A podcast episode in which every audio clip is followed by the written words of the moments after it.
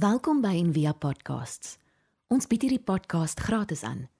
Om 'n bydrae te maak, besoek gerus ons webblad en via.org.za vir meer inligting. As jy vandag na Jesus kyk wat aan die kruis hang, wat sien jy? Johannes, hy sê, and they will look upon him whom they have pierced. Hy haal Sagaria 14 vers 10 aan. Wat Sagaria sê dat die dag as hulle hom doodmaak, dan gaan mense na hom kyk. Waarom kyk ons? En wat is dit wat ons trek na 'n kruis toe en aan 'n man wat aan daardie kruis hang?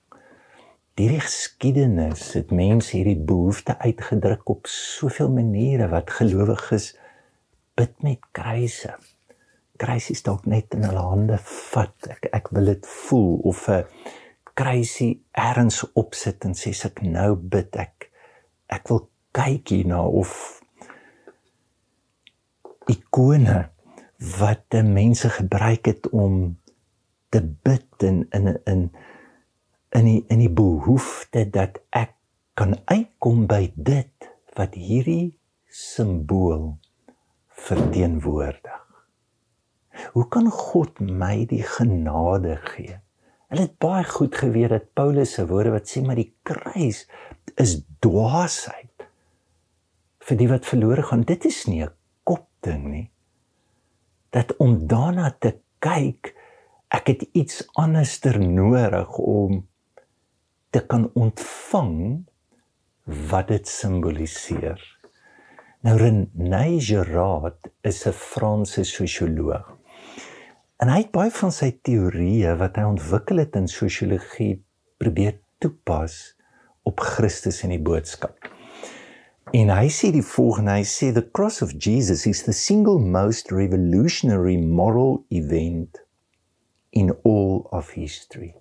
Dit klink oordrewe, maar ek dink nie dit is nie.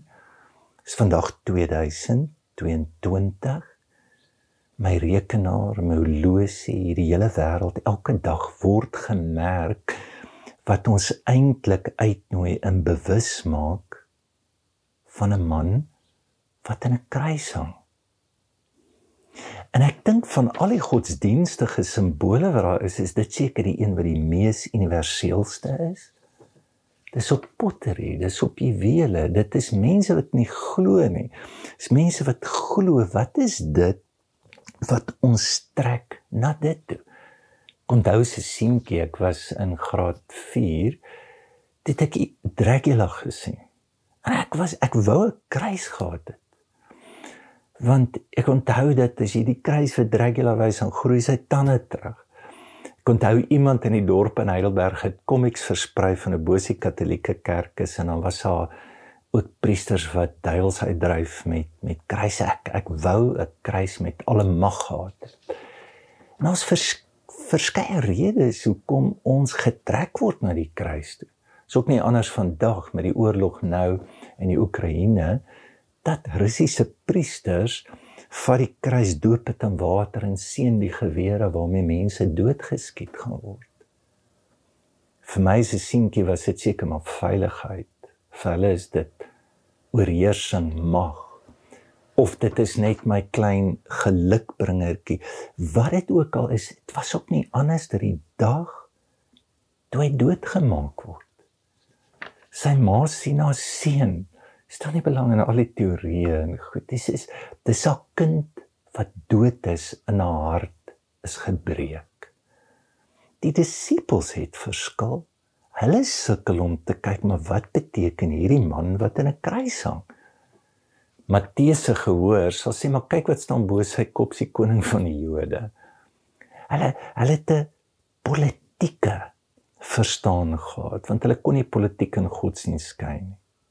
Johannes se gehoor sou heeltemal iets anders verstaan. Hoor hierdie is 'n diep mistiese ingryping van dit wat jy nodig het in jou hart en jou siege en jou siel die mense wat daar staan party sal sê hy's 'n rower. Hy hang tussen twee, is die waarheid. of al die leuns wat versprei is. En die betekenis wat ons het is is maar die betekenis wat ons indra. En ons weet vandag dat dis die simbool van die dood, dis die simbool van verlies, dis die simbool van isolasie, van vernedering. Dit verteenwoordig alles wat ek en jy ook in ons lewe gaan deurmaak. Psigies, emosioneel en dan ook fisies.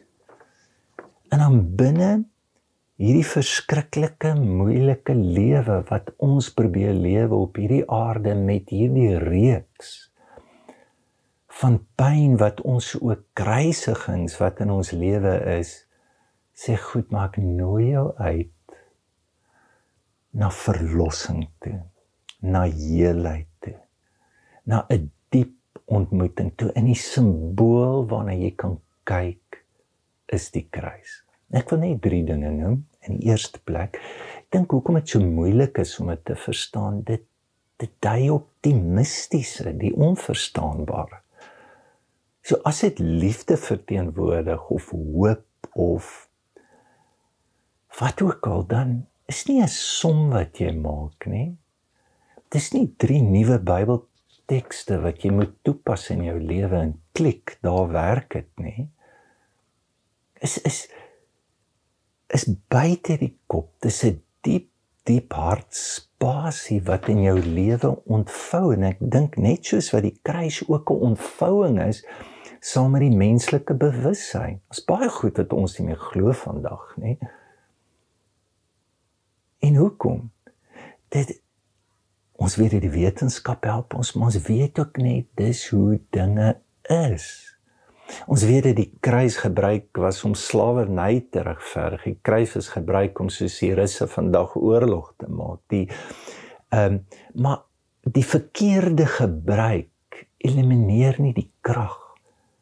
Dit is maar die interpretasie wat ons daarin gee. Dis nie noodwendig dat dit dit is nie. En ek het net 'n vermoede dat die simbool sal net groter en groter word.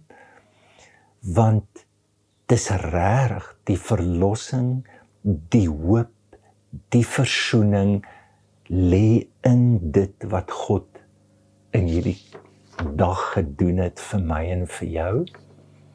So hoe die woord wat Johannes ook gebruik, he's the lifted one en enige Jood sal dadelik dink aan Moses wat 'n staf het en daar's 'n slang op die staf.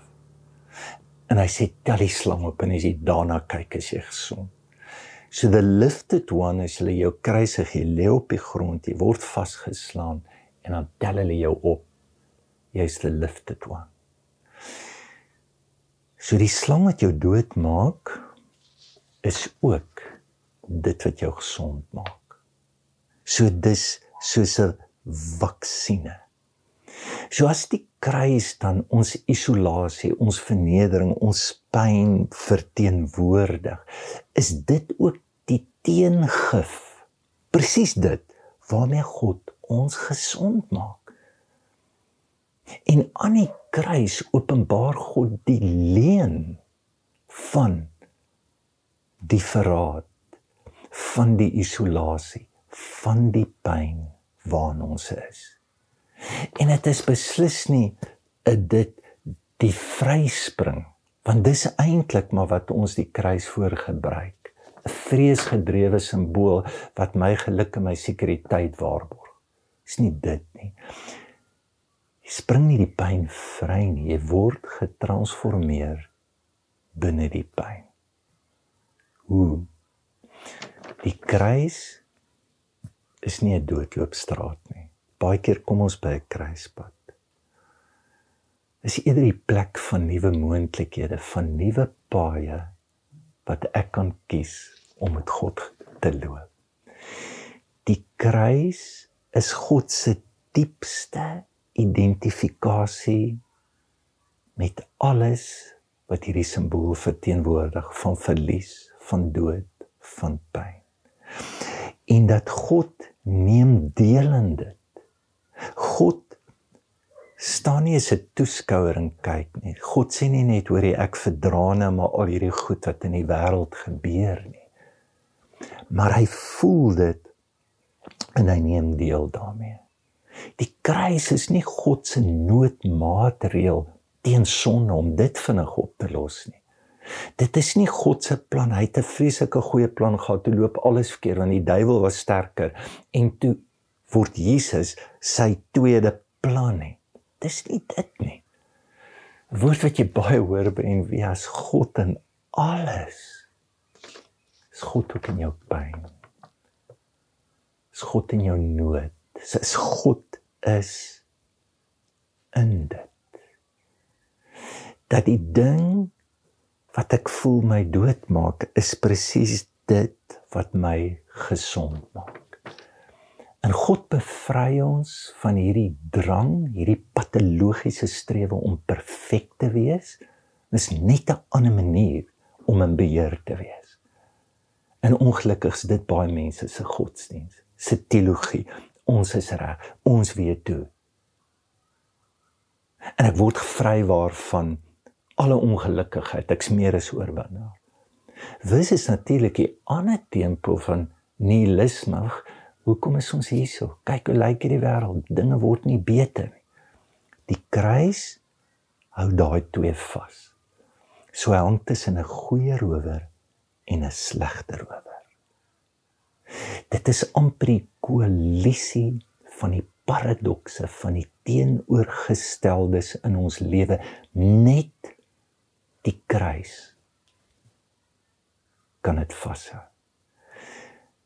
En dit is presies die plek wat God verzoening bring en wat God my lewe vir my teruggee, vir my omgang met hierdie wêreld, in my verhouding.